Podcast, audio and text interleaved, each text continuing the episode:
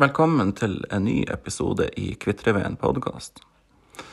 Nesten 1000 barn ble sendt til Sverige fra det krigsherja og nedbrente Finnmark straks etter slutten på andre verdenskrig. For de fleste av disse ungene er oppholdet i de svenske fosterfamiliene et godt og varig minne. Men det er også de som føler at de med denne reisa dro fra aska til ild. Elsa Ludvigsen er en av disse svenske ungene. Hun ble sendt alene fra Kirkenes som åtteåring, mens foreldrene ble igjen for å bygge opp byen. Hun Elsa er også min mor, og hun har en sterk historie å fortelle. Hva gjør det med et barn å oppleve krig? Hva gjør det med et barn å bli stengt inne i tunnelen på Kirkenes uten å vite hva som skjedde på utsida? Hva gjør det med et barn å bli sendt bort fra sine foreldre og til en familie i et annet land. Alt dette får dere forhåpentligvis svar på i denne episoden i Kvitreveien podkast. Kos dere.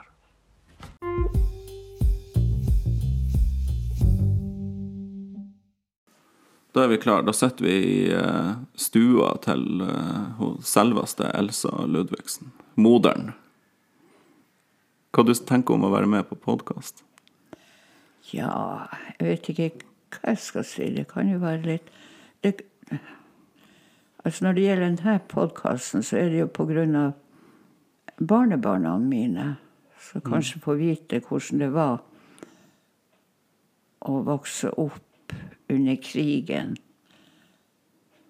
For jeg er født i 37, og så start, krigen begynte jo i 40, 1940. Mm som jeg forstår, så er barnebarna mine veldig interessert i, i den oppveksten jeg hadde der. Ja, de har begynt å spørre mer og mer. De spør mer, og, og spesielt er og Bella er mm. veldig opptatt av det. Mm. Hvordan jeg hadde det, hva som skjedde, og alt sånt. Så det, det er i grunnen derfor jeg er med på denne podkasten, så den kan få litt opplysninger om Jeg får vite litt Mm. Om hvordan det var å være unge da, i den tida. For uh, når jeg var liten, så Du snakka ikke så veldig mye med, om de tingene med meg før jeg var Jeg tror jeg var godt i tenårene før du fortalte meg deler av den historien din. Ja, fordi jeg tror jeg, jeg fortrengte den nå mye. Jeg hadde mm. ikke så lyst til å snakke om den der krigen og, og det her at for jeg er jo født opp i, i eh, hos bestemor i Tana, oppe på mm. loftet, i 37. Og var der til så lenge hun levde. Mm. Så hun døde i mai, og jeg var der jeg ble fem år i juni, så måtte jeg reise derifra. Så akkurat det der, eh, eh, det var så sårende. Mm. Jeg hadde ikke fordi, lyst. Fordi du, du, vokste opp i Tana, og mm. der uh, bodde du uh, hos besteforeldrene dine, eller bestemora di, ja. helt til du var fem år. Det betyr ja. jo at de første krigsårene hadde jo du i Tana, da? Ja, fra 40 til 42. Mm. Ja. Hvordan, hvordan, var den? Husker du mye ifra den tida der? Akkurat den tida der Jeg var jo så lita. I 40 var jeg tre år. Eh, men jeg husker enkelte ting, for tyskerne var jo der òg. Og jeg hadde jo to onkler òg der som bodde i huset. Og jeg husker at de hadde hest. Og det husker jeg at tyskerne kom og henta den hesten. For de henta jo alle dyrene. Og spesielt hestene, for det skulle de bruke. Det husker jeg når Laila ble henta, og det var tårer. Hun heter Laila, den hesten. Mm. Ja. Så det, det, husker jeg. Det er sånne ting. Og så at, at han onkel Ole var så veldig påpasselig med meg. Jeg måtte ikke gå så langt ifra huset. Han passa mm. veldig på at du må ikke gå dit, du må ikke gå dit. Jeg fikk liksom ikke gå til naboene. Jeg Måtte holde meg rundt huset. Mm. Sånne ting husker jeg. Mm. Og så at de Begge de onklene mine jobba De arbeider for tyskerne. Mm.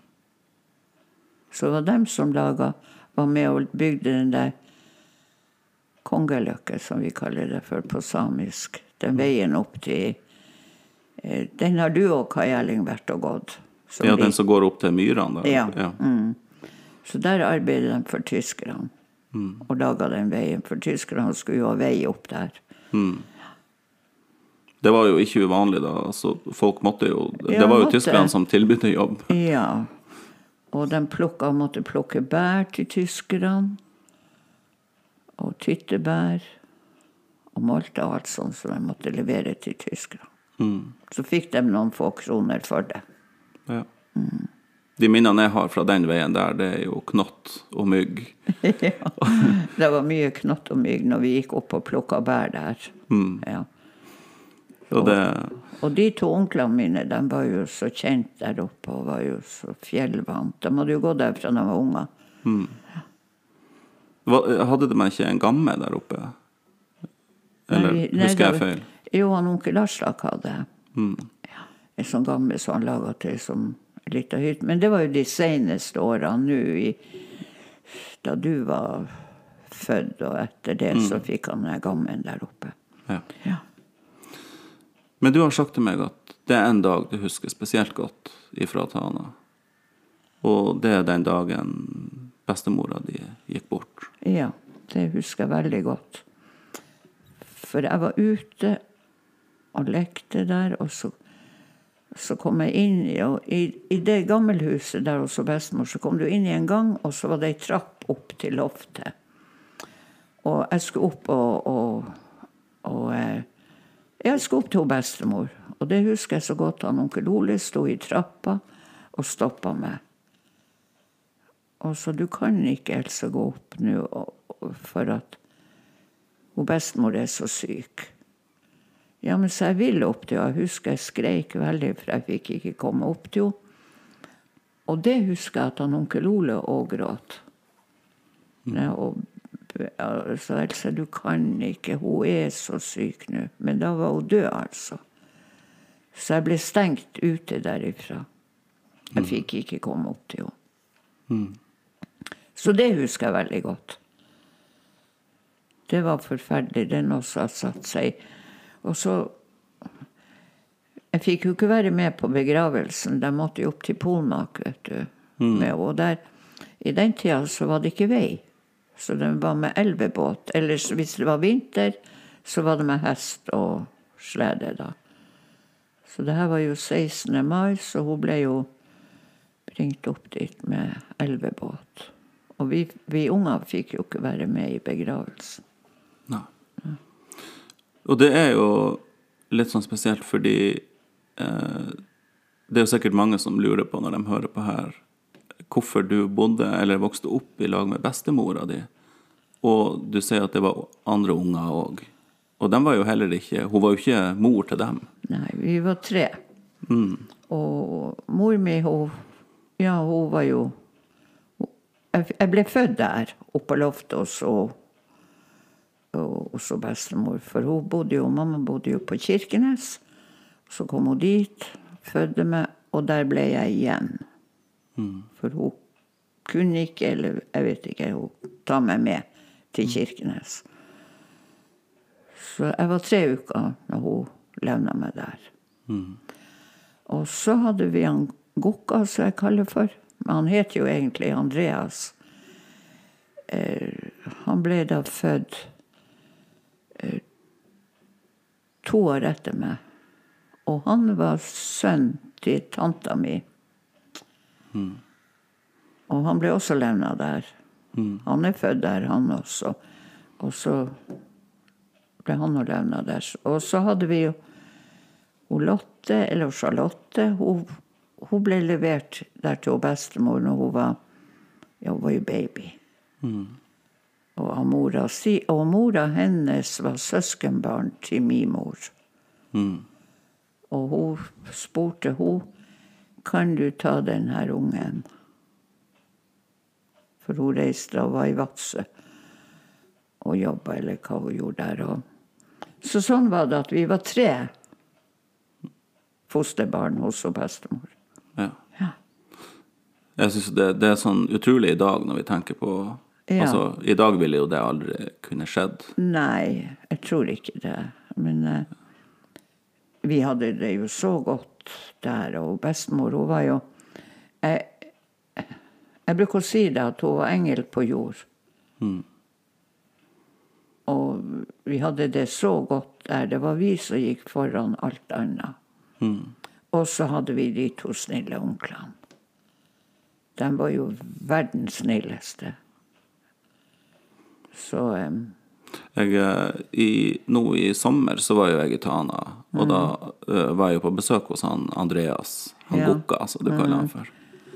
Uh, og hans uh, Når vi kom inn på det med, med bestemora di, da Hun heter jo Anna Ellen. Anna Ellen, ja. Så fikk han det samme ansiktsuttrykket som du får når du snakker om henne. Ja, han snakker med henne en sånn varme, selv om han var jo kjempeliten da når hun gikk bort. Han må jo bare vært en Han var tre år. tre år, ja. For han var jo Ja, han var tre år. Han ble tre år i, i mars. Og bestemor døde i mai. Så jeg skjønner jo, det må ha vært ei fantastisk Ja, hun var øh, Vi har jo diskutert jeg og han Gokka, mange ganger. at Hvor hadde vi vært hvis vi ikke hadde hatt hun bestemor? Og det, det har vi altså Hvor heldige vi var som hadde henne. For hun var noe hun, hun var sånt hjertegodt menneske. Og så og bestemor og, hun var jo ikke sånn eh, religiøs at hun sprang på de her møtene. Det var jo mye møter der, og det var jo læstadianere, og det var alt. Men hun hadde en gudstro. Hun hadde en gudstro så sterk som jeg ikke har hørt verken før eller siden noen hadde. For hun, hun tok imot alle folk. Uansett om de var fulle eller om de var ædru. De kom, var alltid velkommen hjemme der. Hun ga dem kaffe og mat. Hvis hun hadde, for det var jo lite da. Det var jo fattigdom. Og hun ble egentlig Ja, andre kjerringer der sa at du orker å ha den der fyllikene inni. Og så sa hun de har ikke gjort meg noe. Og det er kaldt ute, og de skal få De er like mye verdt som alle andre. Ja. Så hun var, hun var fantastisk. Det er, det er uten tvil. Og så glad i oss unger. Det var Det var utrolig. Men når hun døde, da var du fem. Jeg ble fem 27. juni, og bestemor døde 16. mai. I 42. Og da forandra jo livet sitt Ja. totalt Da for ble deg. igjen. alt snudd opp ned, altså. Og, og da måtte jeg jo derifra, fordi at eh, Da ble det jo bare mannfolk igjen. Og de hadde jo, hadde jo tre unger der. Charlotte var så stor, hun var jo elleve år, eller tolv, så hun, hun ble igjen der. Og bestefar var jo òg der. Må ikke glemme han. Han var jo òg der. Og så var de to onklene. Men så jeg og Goka, vi kunne jo ikke være der. For de klarte ikke, vet du, med tre unger. En treåring og en femåring, og så hun på elleve, da. Så da ble jeg henta til Kirkenes av mor mi og far min. Og det var altså grusomt. Ja. Hva det var som var så fælt med det? Det var så fælt å reise derifra. Og, og jeg husker jeg gråt så. Så ble vi fulgt ned til Skipagurra. Det var jo ikke vei, men det ble tatt nedover med elvebåt.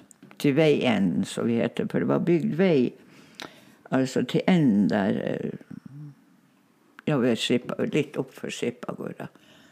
Og dit uh, fulgte noen onkel Ole oss. og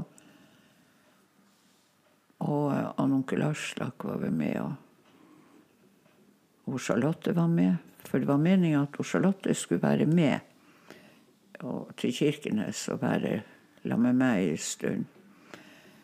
Men så ble det ombestemt, for det var sånn bombing på Kirkenes akkurat da. Så at de eh, At Charlotte skulle ikke reise, mente de her onklene mine. Det, for det var hard bombing i 42. Ja, for det var russerne som fløy over, var det ikke det? Ja. Ja. Så det var mye Så hun fikk ikke, men hun fulgte meg nå til Skippergårda, og det glemmer jeg aldri. Og hadde plukka Det var sånn avlang koffert, sånn gammeldags sånn eh, Akkurat som en, nær sagt som en beautybag, men den var lang, og så var breihanka. Og der hadde jeg krøkebær. og så satt vi opp på bakken der i Skippagurra attmed det der eh, ja, Birger Pedersen hadde butikk der da. Ja. Og der satt vi, og plutselig så åpner den her kofferten seg, og alle bæra ut. Trilla nedover bakken, og gud i himmelen hvor jeg gråt for den bæra.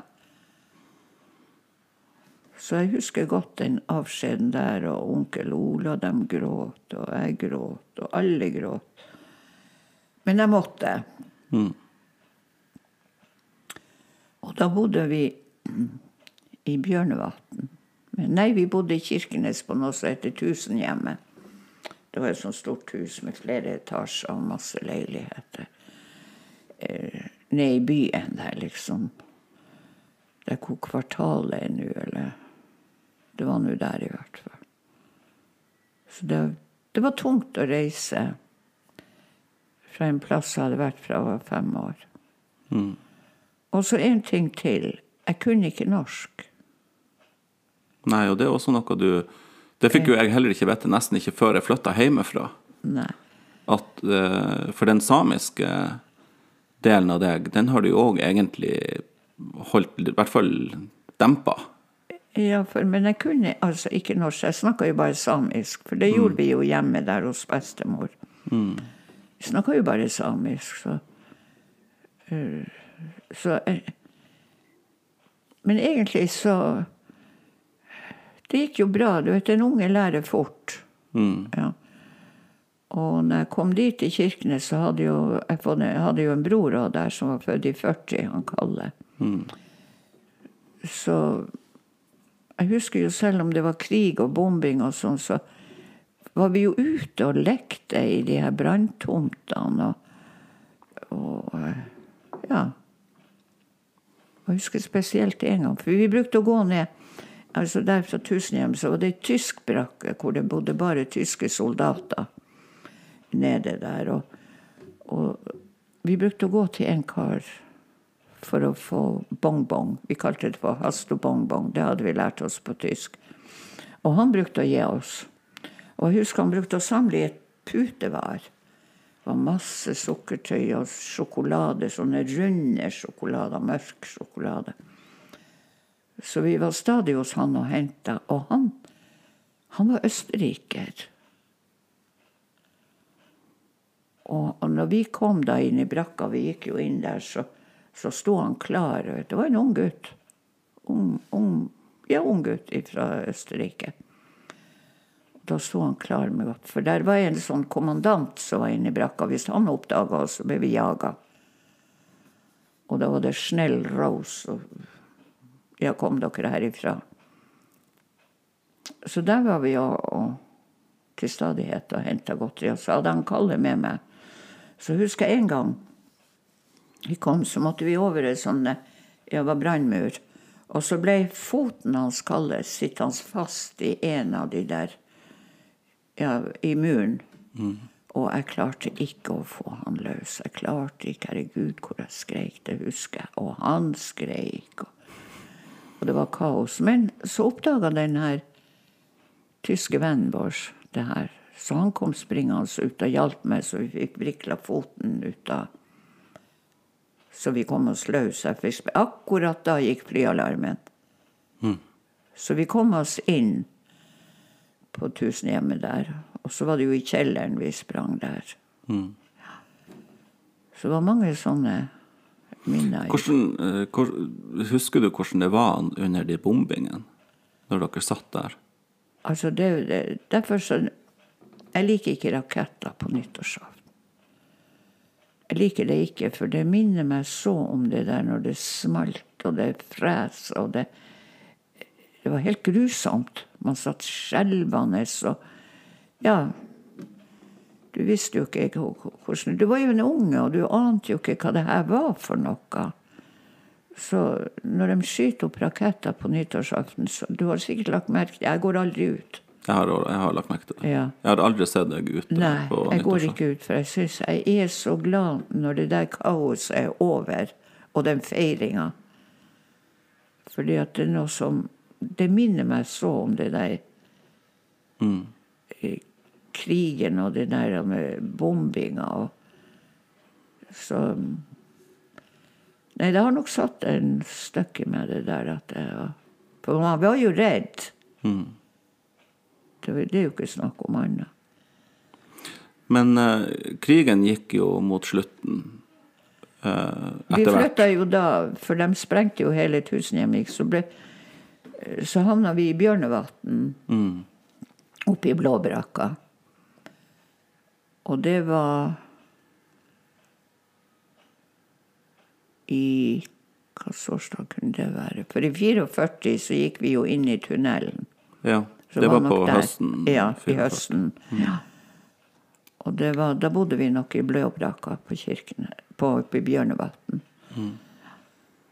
Og jeg husker det gikk tog mellom Bjørnevatn og Kirkenes. Det var det der som manntoget gikk etterpå. Så vi brukte å ta tog ned til byen.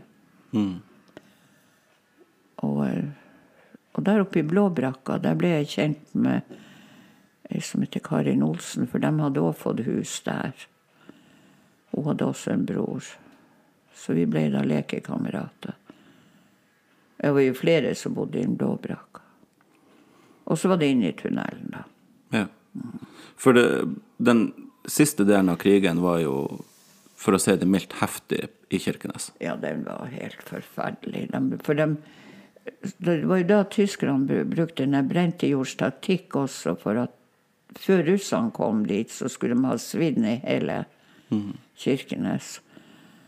Og det her var jo i 44, i oktober, vi var i tunnel.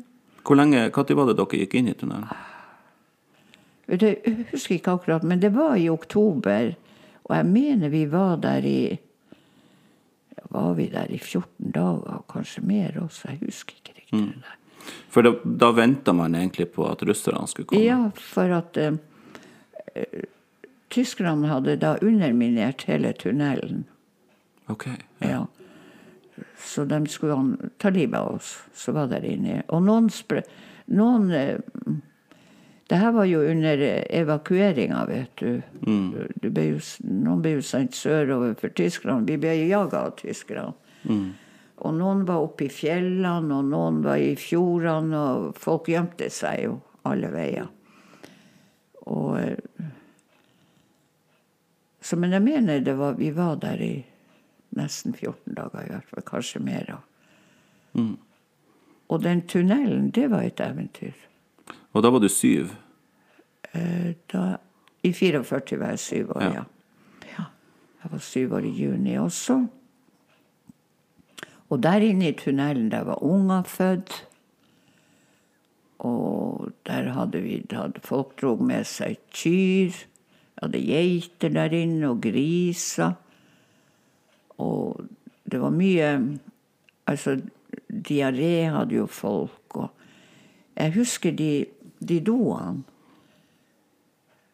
Og, og, og tante Elen var også med oss inn i tunnelen. Ei søster av mamma. Og hun Jeg husker jeg måtte, hadde hun til å følge meg på de doene. Det var som 12-14 seter. Som, ja, det var helt grusomt. Og den lukta, vet du. Og, herregud, altså. Der var virkelig kaos. Men folk overlevde nå. Og, og så var det sånn i den tida hvis ikke jeg har, så har naboen. nå. Altså, de hjalp hverandre. Eh, Det ser man jo ikke mye av i dag. At folk hjelper hverandre. Så da var det sånn at jeg hadde Hvis den hadde en kopp, så hadde kanskje naboen eller en annen hadde ei skje. Så vi, vi hadde jo ingenting. Ja. Så det var Men det viser jo kanskje òg at når nøden er stor, Ja, når nøden er størst, altså, så så kommer de ekte menneskene fram. Ja, da kommer de frem. Og eh, nei, så den tunnelen der, det var jo Men så kom jo russerne over. Den kom over Pasvikelva. Og jeg husker en gang jeg snakka med en som heter Modolf Hansen på Kirkenes. Han gikk faktisk talt over, altså skulle møte russene. Han gikk ved Pasvikelva, og russ, russene gikk jo De gikk over Pasvikelva i oktober, og kaldt var det. Men de hoppa i elva og gikk. Så tenkte han nå, da, for han tenkte, herregud, altså. Ja ja, gjør dem det, så må jo jeg òg gjøre det. Ja. Ja. Og, så han gikk altså han er også i elva ja, for å komme seg over. Så kom de over da ved Bjørnevatn der og, og fikk eh, kutta den her han, eh, som var underminert, altså. ja. Ja. Og slapp folk fri. Og så Det husker jeg den dagen.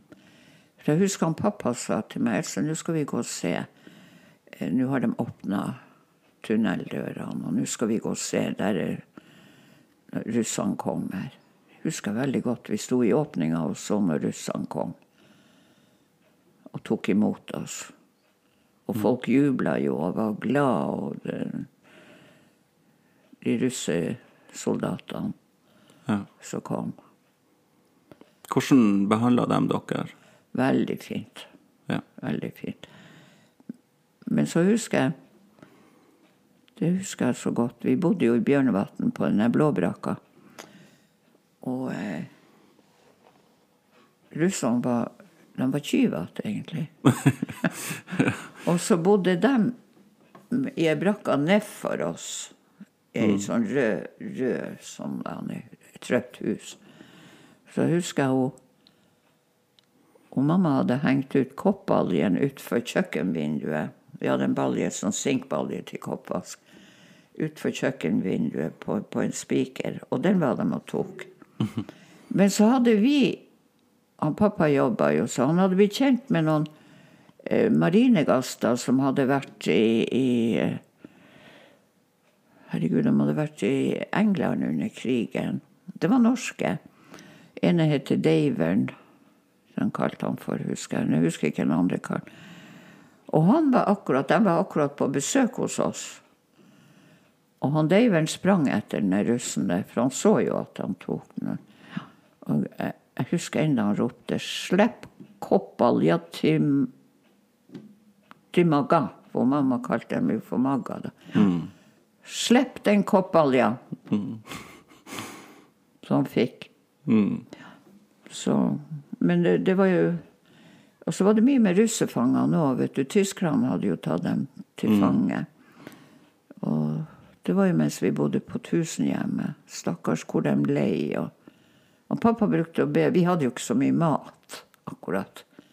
Men han brukte å si til mamma ta nå Vi hadde sardiner i olje.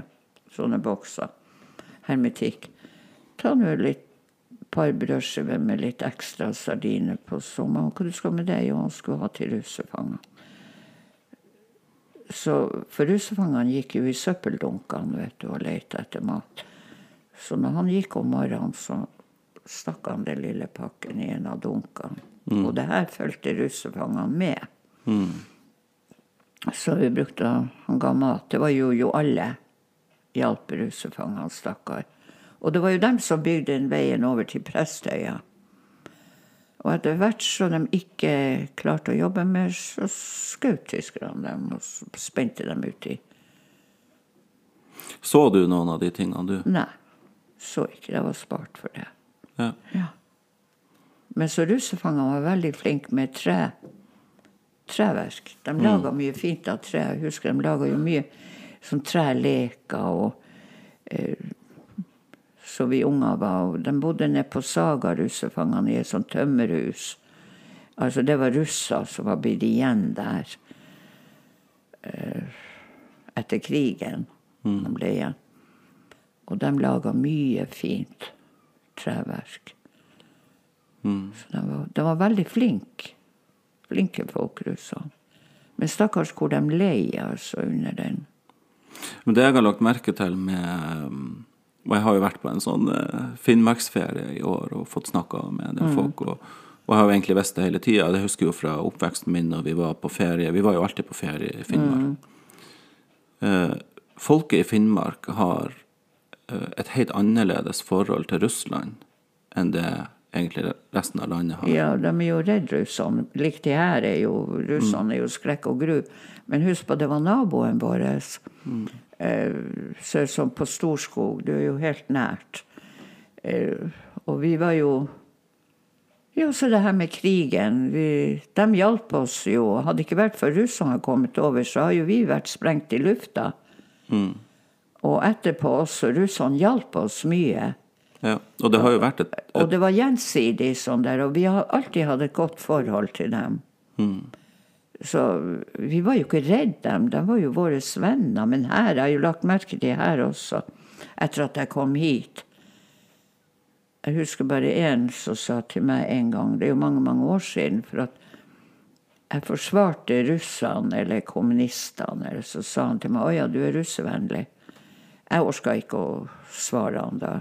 For jeg tenkte ja, hvis du har opplevd det som jeg har gjort med russer, så har du sikkert òg vært russevennlig. Eh, For de var jo ikke farlige. Vi var jo venn med dem. Og så har jo i hvert fall Øst-Finnmark en lang tradisjon med handelen, på Ja, visst. morhandelen. På morhandelen, og så hadde vi jo eh, Boris Gleb og, og vi- Ja, vi har jo alltid for over grensen der. Til Nikkel og Murmansk og Jeg var jo på ferie to ganger i Russland. En gang i Sotsji og en gang på Hjalta. Så Nei, vi har aldri De var, de var våre venner, og vi var vant med dem. De var ikke farlige på noen måte. Nei. Så um... Men uh, når dere var da kommet ut av tunnelen og, og på en måte befridd, Ja. eh, så lå jo Kirkenes i ruiner. ja, det var ingenting. Det var Men Blåbrakka var der i Bjørnevatn. Ja. Så vi bodde jo der da. Og det her var jo i 44 om høsten. Og så kom jo freden da i 45, 8. mai. Men vi var jo befridd av russerne, vi. Så vi hadde jo før. Ja, Kirkenes var jo det Ja, første, første i Norge som Ja. ble befridd. Og det var jo frigjøringshøsten i 44. Ja. Så vi var jo egentlig fri, men det var jo ikke noe ned Ja, det var jo et par hus som sto igjen. Alt var jevna med jorda, og alt var Det var ingenting. Men den våren der, da skulle jo du få nok en gang oppleve ei stor, stor forandring i livet. Ja, i I 45. Ja, det var på høsten. Var det på høsten? Ja, ja da reiste vi i oktober. Jeg mener det var 9. oktober vi reiste med dronningen fra Kirkenes til Sverige. Ja. For du er jo en av svenskungene. Jeg er en av svenskungene. Og eh, der, var, Hvorfor ble dere sendt? Det var jo svenske Røde Korset og Redda Barnen, som det het i Sverige. Det var dem. For vi skulle egentlig til Sverige for å gjøre oss feit, som vi brukte å si. Ja, for vi hadde jo ingenting. Vi hadde jo ikke, vi hadde jo ikke klær, vi hadde jo, vi hadde knapt nok hus. Vi hadde jo ingenting. Lite mat var det. Så vi skulle dit. Til fosterforeldre som hadde sagt seg villig til å ta imot. Så derfor reiste vi dit. Og der sto jo du og han onkel Kalle klar på kaia, etter så jeg skjønt. Nei, han, han ville ikke. Han snudde jo. Han begynte Ja. å skrike. Så han, når vi kom dit ned, så Nei. Da trakk han seg. Men han var jo, og han var jo, han var jo ikke gamle karen da. Han var i 45. Han er født i 40, så han var fem år. Ja, I var, september ja, og du var åtte da. Jeg var åtte i juni. Mm. Men han trakk seg. Og, og det var ikke bare han. For Karin Olsen og broren, han Ole, de bodde jo også oppe i Blåbrakka. Så vi skulle jo både han Ole, han Kalle og jeg og Karin, vi skulle være svenske unger. Ole trakk seg an da vi kom på kaia. Og de var like gamle, tror jeg, han og han Kalle, var født i 40. Og Karin var født i 38, så hun var syv år. Ja, så, men jeg og Karin, vi, vi ble nå med. Hvordan var den scenen der nede på, med, med Hurtigruta? og- Ja, Hvordan var tils... Altså, hva, hva dere så rundt dere? Altså, jeg, ærlig talt så tror jeg vi var i en sånn der jeg på å si sjokktilstand. Vi visste jo ikke hva som skulle skje, egentlig. Så vi sto nå der, og denne dronningen kom nå inn der. og Det var 300 unger cirka fra Sør-Varanger som gikk om bord der den ettermiddagen. Jeg mener vi gikk ut på ettermiddagen. Og um, denne båten der det, det var, eh, Vi lå i Var det lugarer, eller hva det var? Det var åtte køyer i, sånn, i hver lugar. Og så i salongen der lå jo unger. Og de største, de her som var tenåringer, 14-15-16 år, de mener jeg lå i lasterommet på sånne halmmadrasser. Og så fikk de et teppe, ullteppe å ha over seg. Og jeg husker jeg var så sjøsyk. Herregud, hvor jeg kasta opp. For den båten han, åh, Når vi gikk ut derifra Varangerfjorden, da begynte allerede bølgene. Og jeg kasta oss opp. Så hadde vi sånne spykopper, det husker jeg.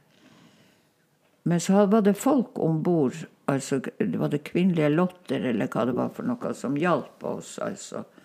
Det var kvinnfolk som var for, fra Røde Kors eller Å, herregud, altså, hvor jeg kasta opp. Jeg glemmer aldri. Og så i det tillegg av det der, så lå Karin sammen med meg. Hun skulle ikke la meg i køya, for hun var så redd, stakkar. Så vi lå to stykker der og spydde. og, og var vettskremt, egentlig. Så var vi jo det. Og det her var vel en mener det var en tirsdag ettermiddag. Og vi kom til Narvik fredag. Og den ferden er jo spesiell, for tyskerne hadde jo ikke bare brent ned husene i Finnmark og, og hele bygder og hele byer, men de hadde jo minelagt. De har minelagt hele fjorden, var jo det.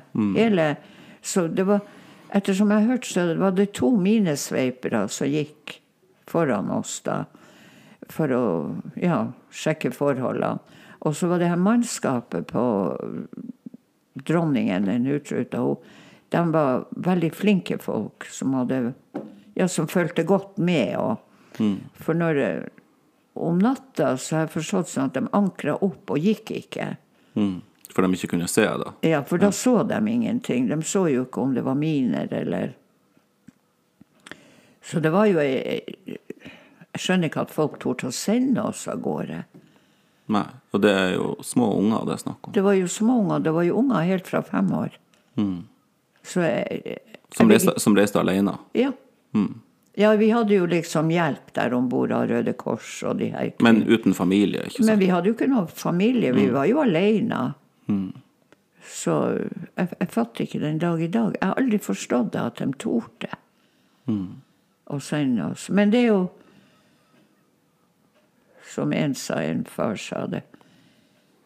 Vi har jo ingenting her. Vi har jo ingenting. Vi har ikke hus, vi har ikke mat, vi har ikke klær til ungene. Vi har ingenting. Så var nøden som gjorde dem til. Men allikevel, jeg tror ikke jeg hadde gjort det. Og sendt min unge av gårde som åtteåring eller syvåring. Aldri i livet. Nei. Jeg hadde ikke gjort det. På et eller annet vis så skulle jeg nok klart det der. her. For Ja. det var jo en farefull reise. Det er det ikke tvil om. Nei. Og så kom dere til, eh, til Narvik, Ja. og derifra med tog. med tog. Så skulle vi på en sånn helsesjekk på eh, eh, Kursfors, heter her plassen. Og så var det en annen som heter Vei... Veines Veines, tror jeg det var. Men jeg havna nå i Kursfors. Å, herre min hatt, der var det virkelig liv. Og vi fikk så mye sprøyter. Det var for både det ene og det andre, for vi skulle være friske eh, og ikke være syke når vi kom til de her fosterforeldrene. Mm. Og så Og der var vi i åtte til ti dager på Kursfors. Og der måtte vi i badstue. Og den kjerringa der som var der, hun var finsk, hun. Ei eldre kjerring, og hun var så bisk og hadde håret stramt og så ei knuta i nakken og svart skjørt, sitt skjørt og jaga oss inn i badstua. Jeg glemmer aldri henne. Jeg ser henne for meg hvordan hun så ut. Og piska oss med sånn bjørkeris. Herre Jesu, fader, hvor redd jeg var. Og Karin, stakkars, hun klamra seg til meg og var vettskremt når kjerringa kom. Så det var mye tårer. Men der fikk vi nå for så vidt eh, Vi fikk noe ordentlig mat der. Så jeg husker det gikk mye på sånn svensk kost. Havregrøt om morgenen. Og så, og så fikk vi jo Ja, vi fikk jo brød, og vi fikk jo pålegg og ting som vi aldri hadde sett før. ja. Ja. Så det var jo egentlig en fest å være der. Men den der uvissheten at hva som skjer nå, hvor skal vi nå når vi er herfra altså, Du var jo redd da. Jeg var veldig redd. Men det er ikke så rart når du er fem, seks, syv, åtte år. Eh, hva, slags, hva slags forutsetninger har du for å forstå en sånn situasjon? Det er jo helt umulig. Nei, vi forsto den ikke. Jeg, jeg, forsto det ikke. Hvor skal jeg nå? Og så fikk vi beskjed da Jeg mener vi var ti dager der i Kursfors. Hadde fått alle de sprøytene og alt det systemet. Og så hadde vi jo en lapp hengende rundt halsen. Merkelapp. Så det sto svenske på, og hvor vi skulle. og ja. Og så ble vi satt på toget, og da skulle vi til Boden. For dit skulle jeg. Jeg skulle til Boden, jeg altså. Og, og Karin hun klamra seg til meg og var så redd. Hun skulle ikke Men når vi kom til Luleå, så der skulle Karin av. Og hun ble jo hysterisk. Hun skulle ikke uten meg. Hun skulle ikke Jeg glemmer aldri hvor hun herja og hvor hun rasa og skreik. Og jeg satt inn på toget i togvinduet og så på perrongen, gud hvor hun skreik. Og der tok de imot henne, de er fosterforeldrene. Og så bar det videre med meg til Boden. Og så hadde jeg en pappkoffert. Jeg vet ikke hvordan jeg skal forklare deg den, men eh, den var papp. Brun papp. Og så var det et sånn håndtak, akkurat som av eh, stål, eller Og så var det Og du skjønner, jeg hadde jo fått beskjed hjemmefra at den måtte jeg ta godt vare på, for det var alt jeg eide og hadde i denne verden. Og hva som var inni den, det, det var jo ikke rare greiene, men jeg måtte ta vare på det. Og den holdt jeg hele tida. Og så gikk hanken av. Og den slapp jeg med meg. Jeg slapp jo ikke den kofferten der. Ja. ja, og så kom vi til Boden, og der skulle jeg av. Og der gikk flere av. det. Alle vi som skulle til Degerbekken, for det var jo dit vi skulle, det er utfor Boden. Nei. Vi gikk jo av der, og vi var fem unger. Den ene hun var forresten, hun var 14 år, hun. Og vi andre var da åtte år, alle fire, som gikk av der. Og jeg husker i Boden, der ble jeg tatt imot av eh, mine fosterforeldre, for de hadde bil. Så de hadde kjørt dit til Boden og skulle hente meg. Og så hadde, hadde de han med, han Bernt Erik, for de hadde en gutt sjøl, eller en som de hadde adoptert fra han var baby. Og jeg glemmer ikke hvor stygt han så på meg, han der. Når jeg kom inn i bilen. De tok nå omkring meg, og Asta heter hun fostermora mi. Og ønska meg nå så velkommen, og nå måtte komme inn i bilen. Og, og han satt og skula på meg. Jeg, jeg, jeg sa det etterpå til han Bernt Erik mange år etterpå, for vi, vi hadde jo kontakt helt til han døde. da. At hvor stygt du så på. Jeg var så irritert, sa han, for at det kom denne jenta der. Han var sjalu. Ja. Ja, og så verst av alt så var vi like gamle. Ja. Så, um, men så kom vi da dit, og de hadde butikk der i Degerbekken. Det var en butikk der, og den hadde Asta, så hun drev. Og kom da dit, og jeg husker Kom liksom inn der i gangen, og så inn Og jeg var jo Jeg var så redd, og jeg var så skremt, og jeg var så trøtt, og jeg var så sliten. Så jeg gråt bare. Og, men kofferten holdt jeg fast i. For jeg husker han mannen i huset, han Harald. Han skulle ta den kofferten, og sa ikke tale om han fikk ikke den. Altså. Den holdt jeg fast i. Ja, og så kom hun da, og så leide hun meg eh, inn på butikken. Og, og der var jo all verden, så hadde jo ikke sett så mye frukt og så mye godteri, så mye mat. De hadde alt mulig der inne. Og så sier hun til meg nå kan du bare ta det du ønsker og det du vil ha. Vet du hva, jeg kom meg ikke av flekken. Jeg ble stående som ei saltstøtte. Jeg klarte ikke å flytte beina. Jeg sto helt paralysert, og så begynte jeg å stri, strigråte. Jeg var, jeg, jeg var helt i sjokk. Det ble for mye. Det ble for mye for meg, det der. For jeg hadde jo aldri i livet sett så mye. Og sikkert ting du ikke hadde sett før i det hele tatt. Aldri. Jeg hadde jo aldri sett det før. Og bare maten. Den maten som var der. Og det, altså de bollene og de, alt det der. Jeg hadde jo aldri, jeg ante jo ikke hva det var egentlig. Jeg hadde jo ikke sett det. Og den sjokoladen og de karamellene. Å, herregud i himmelen. Nei, det var Men da, da, da løfta hun meg opp. Og så bar hun meg inn. Og kofferten holdt jeg. Og, og så bar hun meg inn på kjøkkenet, og der hadde de en sånn der benk, en sånn sofabenk. Og så satte hun meg nedpå der, og satte hun seg ved siden av meg. Og da gråt hun også, for hun skjønte det at det var blitt for mye for meg, det her. Og, og satt og prata med meg og holdt omkring meg. Og så til slutt og sist så fikk hun faktisk talt den kofferten fra meg.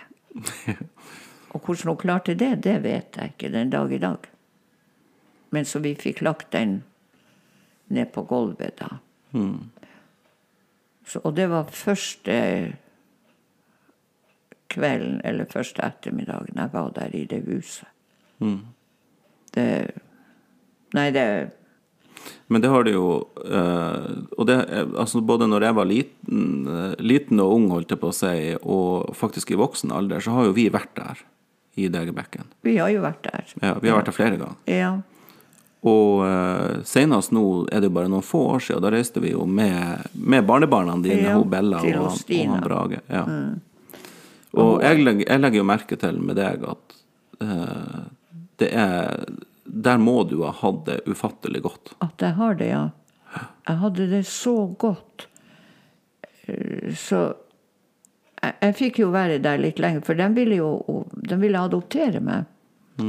Og sendte inn søknad sånn, men det fikk de jo ikke gehør for hjemme her. Så jeg, men så søkte hun Asta om ikke jeg kunne få være litt lengre der. For vi skulle være der til mai-juni i 46. Men hun søkte så at jeg fikk være noen måneder lengre hos dem. Og hun fulgte meg da til Narvik med toget. Der skulle reise. Å, herregud, hvor jeg skreik da når hun gikk, da, vet du. Og jeg skulle Å, Jesu Fader. For jeg hadde det så godt der. Og fikk masse gode venner, og gikk på skole der og Så det var eh, utrolig fin tid, altså. Det var Men nå skal det sies, det var ikke alle svenske unger som hadde det like godt. Det kommer vel litt an på hvilken familie man kom til og alt. Ja, også hvilken alder du var i. Hvis du var sånn 14-15-16 år, spesielt guttene, så, så var det bønder bøn, som tok dem som arbeidskraft. De skulle kunne arbeide hos dem. Og det vet jeg jo at det var flere som prøvde å rømme derifra. For de hadde det så fælt. Tungt. Ja, tungt. Ikke fikk de mat, ikke fikk de Ja, det også hadde det helt forferdelig. Ja. Så Men jeg var nå ute av de heldige. Jeg hadde det veldig godt. Og det hadde vi alle som var i Degerbekken der. Og Degerbekken er jo en utrolig fin plass. Flott plass. Altså. Jeg, jeg har jo vært der og både som unge og nå når vi var der bare for noen få år siden, og det er en sånn idyllisk eh, Men nu, flott plass. Ja. Ja visst. Men nå er det dessverre bare to igjen av dem som var der når jeg var som unge. De fleste er døde, og noen er jo flytta derifra. Ja. Så Men vi var jo på besøk hos, hos, så Stina, hos ja. Hun er den som Og så han Gjøte. Det er en som bor over jernbanen. Han er like gammel som meg. Så han er bare dem som er igjen nå. For ellers er de døde alle, og så er det bare nye folk nå. I Degerbekken. Så Degerbekken har forandra seg sånn, det sier jo Stina òg. At eh, det er jo folk som hun ikke kjenner, som bor her nå. og Men hun er ei fin dame. hun er veldig koselig hos Stina. Og hun hadde jo mannen hennes etter Tage. Og jeg og Arvid var jo omtrent hver sommer der hos dem. Når Tage levde, og og en koselig mann. De har jo òg jeg, husker jo at vi har hatt besøk av de svenskene her hos oss òg, i Sørreisa. Eller ikke i Sørreisa, men på Øse. Ja, det var Bernt Erik. Ja. Det var han fosterbroren min.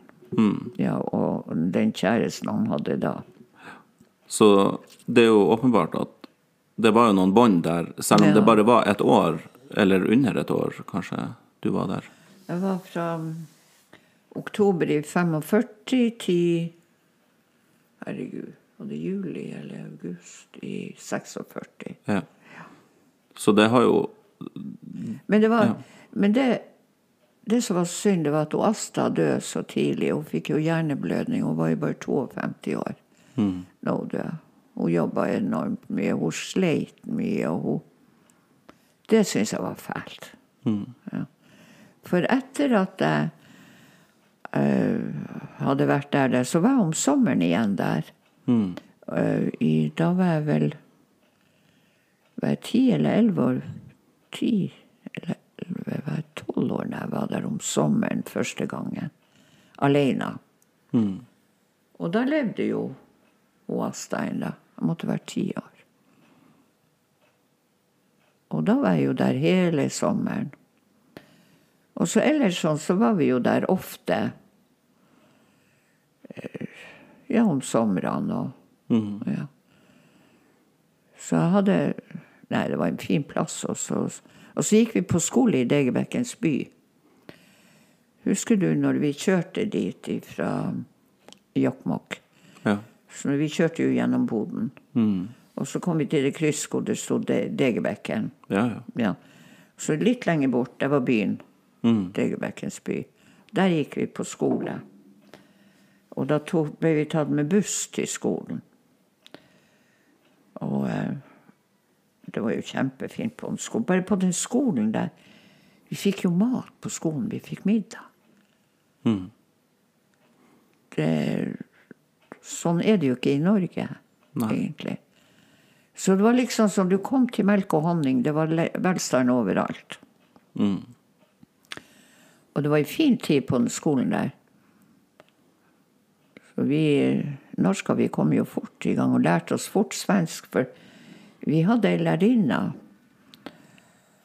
Og hun var ganske så bestemt med oss.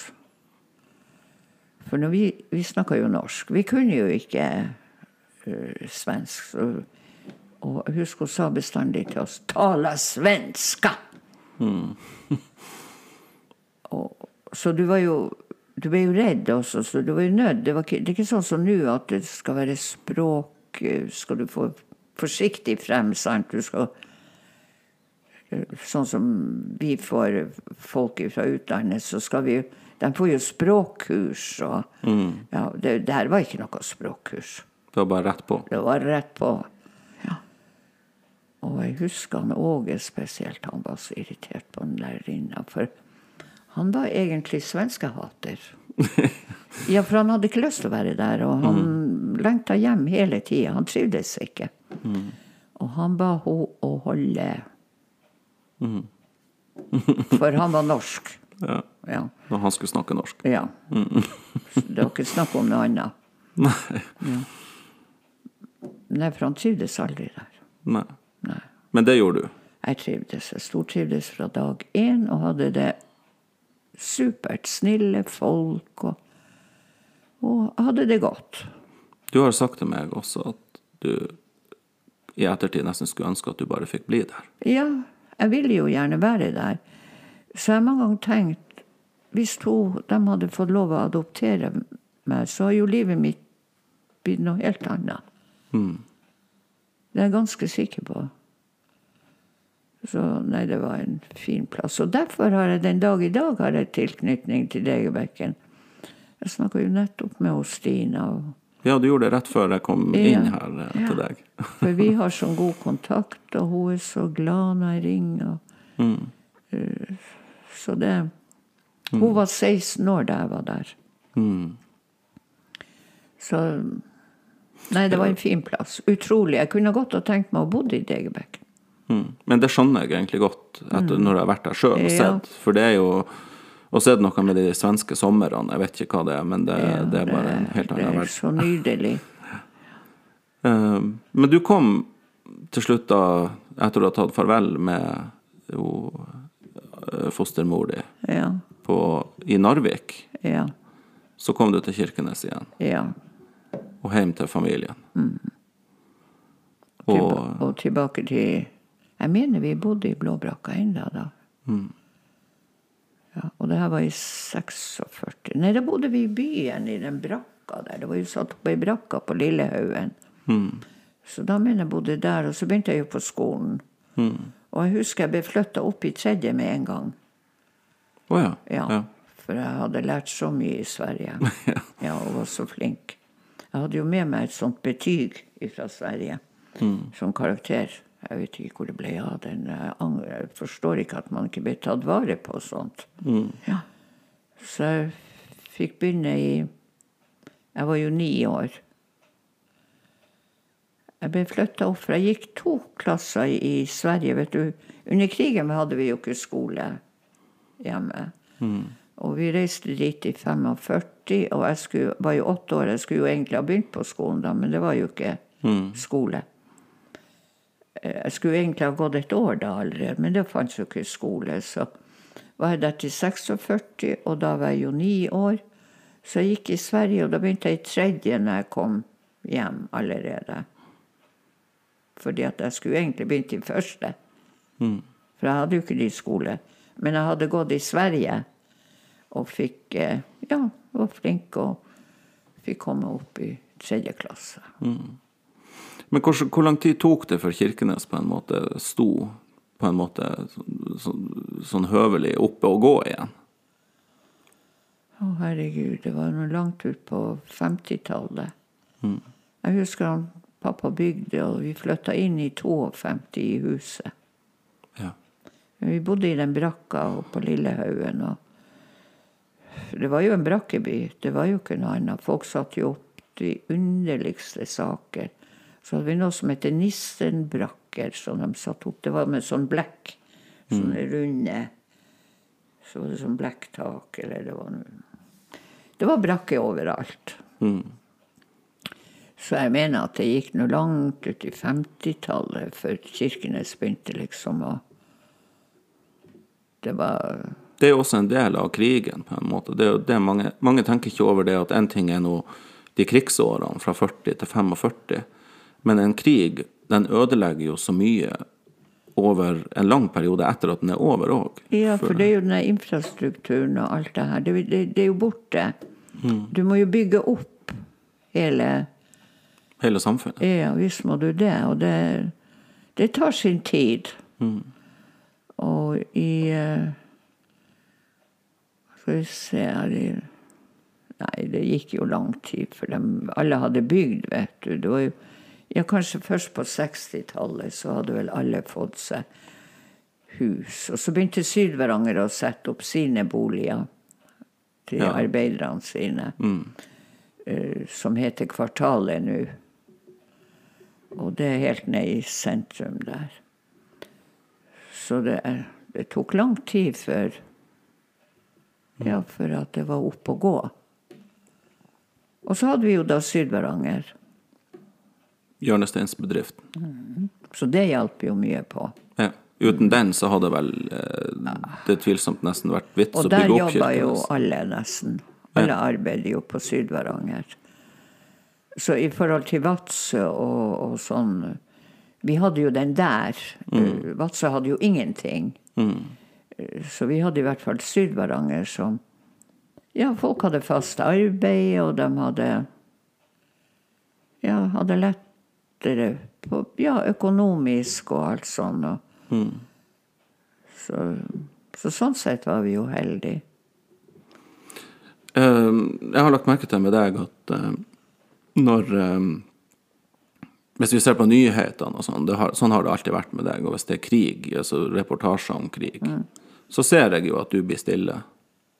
Ja, det er fælt. Krig er fælt. Hva tenker du på når du ser de tingene? Jeg, ser, jeg tenker jo på hvordan man sjøl vokser opp det krig. Og er, det, krig er fælt. For det er så mye ondskap i krigen. Og det Det verste jeg ser når jeg ser på nyhetene, det er små unger som er, De lir jo. De, de blir drept, og de er Så mange ganger jeg ser vi fra Syria og sånn der små unger som Stakkars, de prøver å flykte fra det der. Og, og det bildet der med den lille gutten som ligger på stranda, han var skylt i land. Altså, det er grusomt å tenke på. Og det, det er rett og slett ondskap fra voksne folk.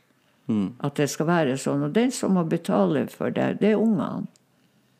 Det er ungene som lir, og det er ungene som betaler for maktsyka til folk. Så jeg syns det er grusomt å se på. Det er helt forferdelig.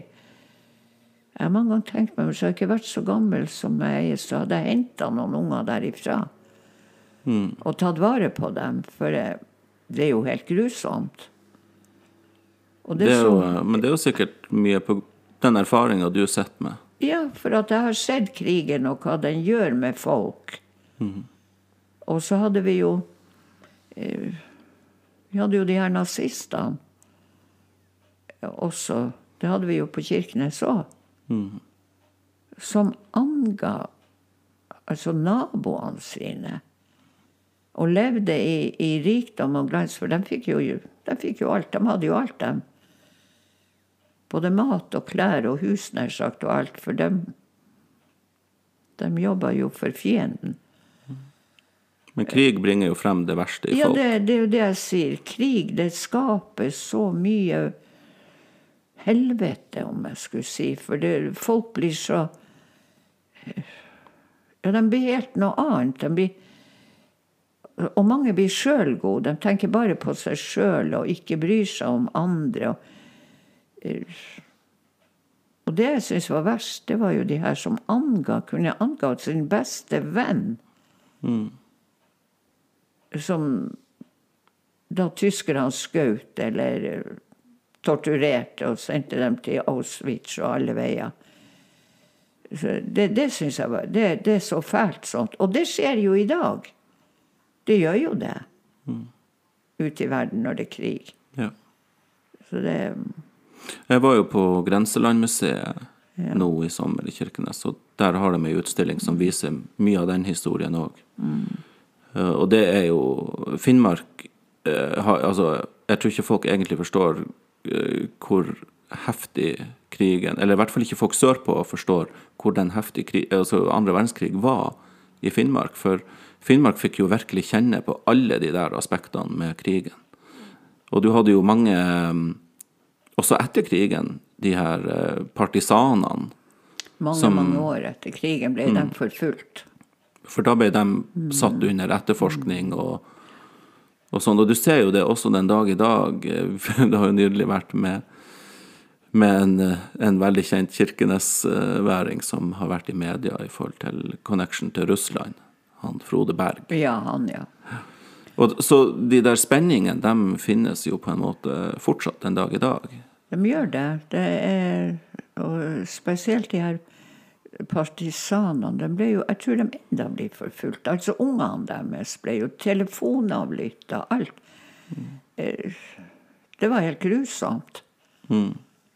Så de aner ikke sørpå egentlig hva krig er. For vi, vi sto jo midt oppi det her. her. Det, og der ble ikke tatt noe hensyn. Jeg håper at eh, For du ser eh, i du, Hvis du ser på f.eks. filmer som er laga fra andre verdenskrig i Norge, så har det jo vært veldig få nordnorske historier egentlig som har blitt eh, fortalt. Eh, altså, vi har jo Gutta på skauen og alle de der, dem er jo eh, godt dokumentert. Og ære være dem, de var tøffe, dem, altså. Eh, men jeg håper jo at vi i framtida, eller om ikke så lenge, får den historien, og kanskje gjennom, gjennom den type dokumentasjon. Ja, det trenges egentlig, for de der heltene var jo liksom sørpå. Det var jo der de var. Gutta på skauen de opplevde ikke brøkdelen av det mange gjorde oppe i Finnmark. Det var helt forferdelig. Mange som ble arrestert, og eh, de ble rett og slett henrettet av tyskerne. Eh, det, de virkelig var noe. De, men det har aldri vært snakk om nei. Det var jo bare dem sørpå som hadde gjort så mye, og de hadde ditt og datt. og eh, De nordpå, spesielt da i Finnmark eh, Det er ikke, ikke fortalt ei linje om dem. Og det syns jeg er litt sårende, for de har virkelig lidd mye. Det er en historie der. Det er en veldig eh, sterk historie òg. Og jeg vil jo bare, for de som hører på så- denne podkasten, så vil jeg anbefale alle som er i Kirkenes, å stikke innom Grenselandmuseet. For der får man jo en god del av den historien, spesielt den partisanhistorien. Eh, Det tror jeg alle som er i Kirkenes, hadde hatt godt av å gått og sett de utstillingene der, for det, det er sterke saker. Ja, for det, det, det er en ting som aldri har kommet frem i eh, Og jeg vet jo bare det her Det var jo i Kiberg, Berlevåg, var det jo mye partisaner. og Kiberg spesielt. Og de rømte jo mange av dem over til Russland. Og de har jo aldri fått en beklagelse engang. Ingenting. Det, det eneste de fikk, det var De ble telefonavlytta. De fulgte med dem. De fikk ikke jobb. Jeg vet bare på Sydvaranger var mange som ikke fikk jobb. Fordi at du hadde vært ja, partisan, eller NKP, da. NKP-er, kommunist. Og de, de fikk ikke arbeid. Mm. Og, og det er jo helt grusomt sånt. Og det de gjorde for landet sitt, det var jo helt enormt. Men det ble Nei. Det var ingenting. Hva du tror de opplevelsene du hadde som unge, med å være født i 37 og få oppleve alt det her på de første åtte-ni årene dine, tror du det, hva du tror det har gjort med deg? Med meg? Ja, det har jo gjort at jeg har fått et helt annet menneskesyn. Jeg er ikke sånn Altså, du Russerne Sånn de er så redd russen, og russen han er så farlig, han er så ditt og datt, og det er ikke tilfellet. Selvfølgelig er det uromomenter der som i alle andre land, som kan skape elendighet. Det er jo overalt. Det Det er jo i Norge, det er overalt. Så også det her med det her tyskerhatet mange har etter krigen. Syns egentlig ikke noe om det. Nei, for du har, jeg har aldri opplevd at du har vært sint på tyskere. Nei, de var i krig, de som oss. Og de de, mange av dem ville jo ikke dit. De ville ikke noe krig. Og jeg vet han pappa fortalte jo mange ganger om eh, spesielt østerrikerne. De var imot det her. De sa bestandig, sa han pappa, at han Hitler var tullete. Ja. Og, og det verste av alt, han Hitler var jo østerriker. Ja. Ja. Eh, Men de ville jo ikke det her. De, De var unge gutter, ja, som, var som alle andre. som alle andre, og ville gjerne leve i fred og ikke ha det her. her og, og, og hva de også fikk li, tyskerne, under det her etter krigen. Og alt var jo nedbomba der òg. Mm. Ja. Og så var det de her jentene i Norge som forelska seg i de her tyske soldatene. Det var jo så forferdelig. Og så kanskje de fikk ja, barn med dem, og, og de ble da kalt for tyskertøser. Det er helt borti natta. For kjærligheten har ingen grenser. Jeg spør ikke hvor du er fra. Og, eller om du kommer fra Tana eller Oslo. Det, det har jo ingen betydning. Og det samme mener jeg om tyskerne også. De var jo unge, og de var jo Så ikke rart de kunne bli forelska. Og så var det det Etter krigen så kom jo de her som kom fra England. Mm. De norske soldatene. Norske soldatene. Redningsmenn våre. Mm. Det eneste de gjorde, det var å få tak i de her jentene som hadde vært med tyske gutter, tyske soldater, fått barn med dem. De klipte dem. Jeg hørte borti natta så tullete. Hva var hensikten med det? Det der er jo en historie som ikke så mange vet. Ja, De ble klipt. Men Og skamklipt. Men jeg har jo hørt eh, Jeg hørte faktisk en annen podkast i sommer som omhandla nettopp det. Når de norske soldatene kom, Ja. eh, som hadde da vært opptrent i, i England. Og Ja. de, hadde jo ikke fått opplevd krig. De hadde ikke vært i krigen. Men de var jo fulle av adrenalin når de kom Ja. hit etter frigjøringa. Og de, dessverre, var det jo mange av de troppene som terroriserte bygder langs hele kysten og hele Finnmark. Ja, det gjorde de jo. For de var ute etter å finne noen de kunne dømme. Ja, og sjøl hadde de ikke vært i krig. De hadde ligget i England og valsa skitt. Så det, og så kom de dit for å klippe folk for at de hadde forelska seg i en tysk soldat. Det, det rimer ikke. Det Det henger ikke på greip. Det, det er så tullete at det Jeg skjønner ikke hva, hva, hva, hva var vitsen med det?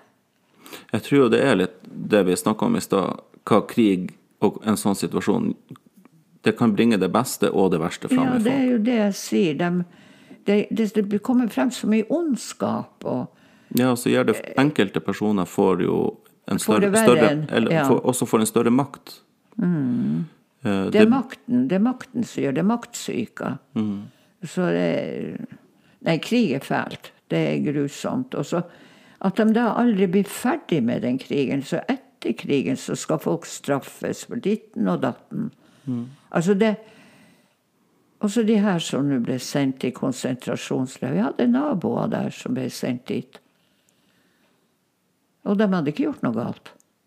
De hadde egentlig bare For han hadde en bror, eh, mann her. Han hadde en bror som var i Russland. Og så sto de Altså, over elva så kasta han en pakke røyk til han. Og der var det en nazist som så det her. En landsforræder.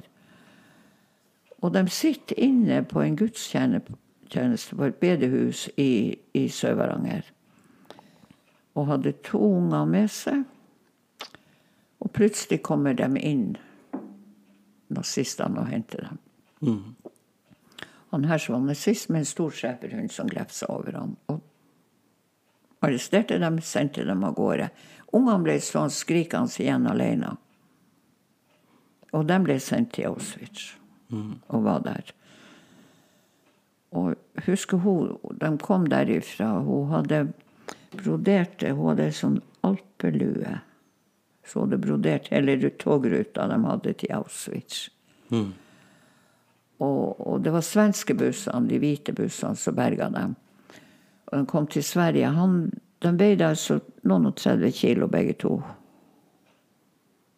Mann og, og, og, kone. Og hun fortalte uh, Tyskerne ville ha gullet de hadde. Tok jo fra dem ringer og alt mulig, og, hvis de hadde noe gull. Og hun sa hun hadde gifteringen. Hadde hun i munnen. Og under tunga sånn. Og, og forbandte seg på at den skulle de ikke få. Ja. Og, og hun fikk så mye juling, sa hun, at det var helt forferdelig. Slått i ansiktet, så blodtrevlene hang jo av Ja. Men jeg tenkte, ringen får dere ikke. Først skal jeg tåle den julinga. Og til slutt så ble de jo lei, vet du, for de måtte jo gi seg en gang, for hun ga seg ikke.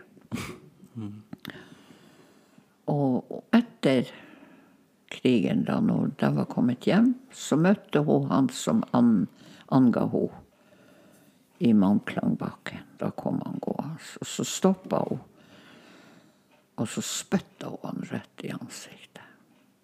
Så sa han til henne du skal være litt forsiktig. Nei, du, sa. Det skal ikke. Jeg har vært forsiktig lenge nok. Men du skal være litt forsiktig, sa. Og så gikk jeg bare videre. Så, det, var, det var mye sånt som Altså, de som før var venner og naboer, ble plutselig fiender. Mm. Ja, for mange trodde jo faktisk alt at tyskerne skulle vinne alt. Og det var de skulle styre, og da skulle de jo Posisjonere seg. Ja. Så, så hva, hva det kan gjøre med folk, egentlig, det, det er litt skremmende. Men jeg er i hvert fall veldig glad for at du har tort å sette deg ned med meg og fortelle den historien din, for jeg tror den er eh, Det er en stor verdi i det, og det at vi har fått tatt det opp. eh, Sånn at både Bella og Brage og hvem som helst kan få høre den. For eh, den historien som du har, eller de historiene fra, også fra, fra Finnmark og sånn, den blir det jo færre og færre vitner til. Ja, det gjør det. Det går jo bort folk. Og, men jeg syns jeg gjør det egentlig for barnebarna mine sin del. De skal vite at livet er skjørt.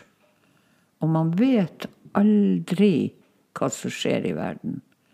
Det er jo bare å se på dagens samfunn hva kriger vi har, og hvor mye elendighet vi har. Og, og det resulterer Det som det går mest utover, det, det er ungene. Det er ungene som må liv for fedrenes synder. Sånn er det. Ja. Så jeg håper det at Ja, de tar litt lærdom av det jeg har fortalt. At vær, vær snill med hverandre. Ikke, og ikke ta det. Du er tysk, du er russ, du er fra Syria, du, du kommer derfra. Du Altså, vi er, vi er jo alle like mye verdt. Vi har ikke bedt om det der. Og som unger så har man jo slett ikke bedt om en krig. Så det Man skal ikke være så snar til å dømme folk, syns jeg ikke. Det, det må oppleves litt først før du kan begynne å dømme. Og det vi opplevde oppå, oppe i Finnmark, det var egentlig Altså, når man tenker på det, så var det jo grusomt. Jaga oss, og vi ble jo jaga som hunder hit og dit, og vi skulle evakueres, og vi skulle ikke være der. Og, altså det Vær snill med hverandre. Ja, jeg mener man skal være snill med hverandre, og livet er kort. Mm. du vet ikke hva som kommer bak neste sving. Du vet aldri hva som skjer. Og når det gjelder krig, så tror jeg det aldri blir slutt. Det blir aldri slutt. Verden vil være i krig så lenge den består. Jeg har ikke noe tro på at det er slutt. Så jeg håper bare at ja, at unger hører på det her, kanskje. Og især mine barnebarn, at de forstår at det er ikke så enkelt alle ganger. Takk for at du fortalte historien din. Jo, bare hyggelig, du.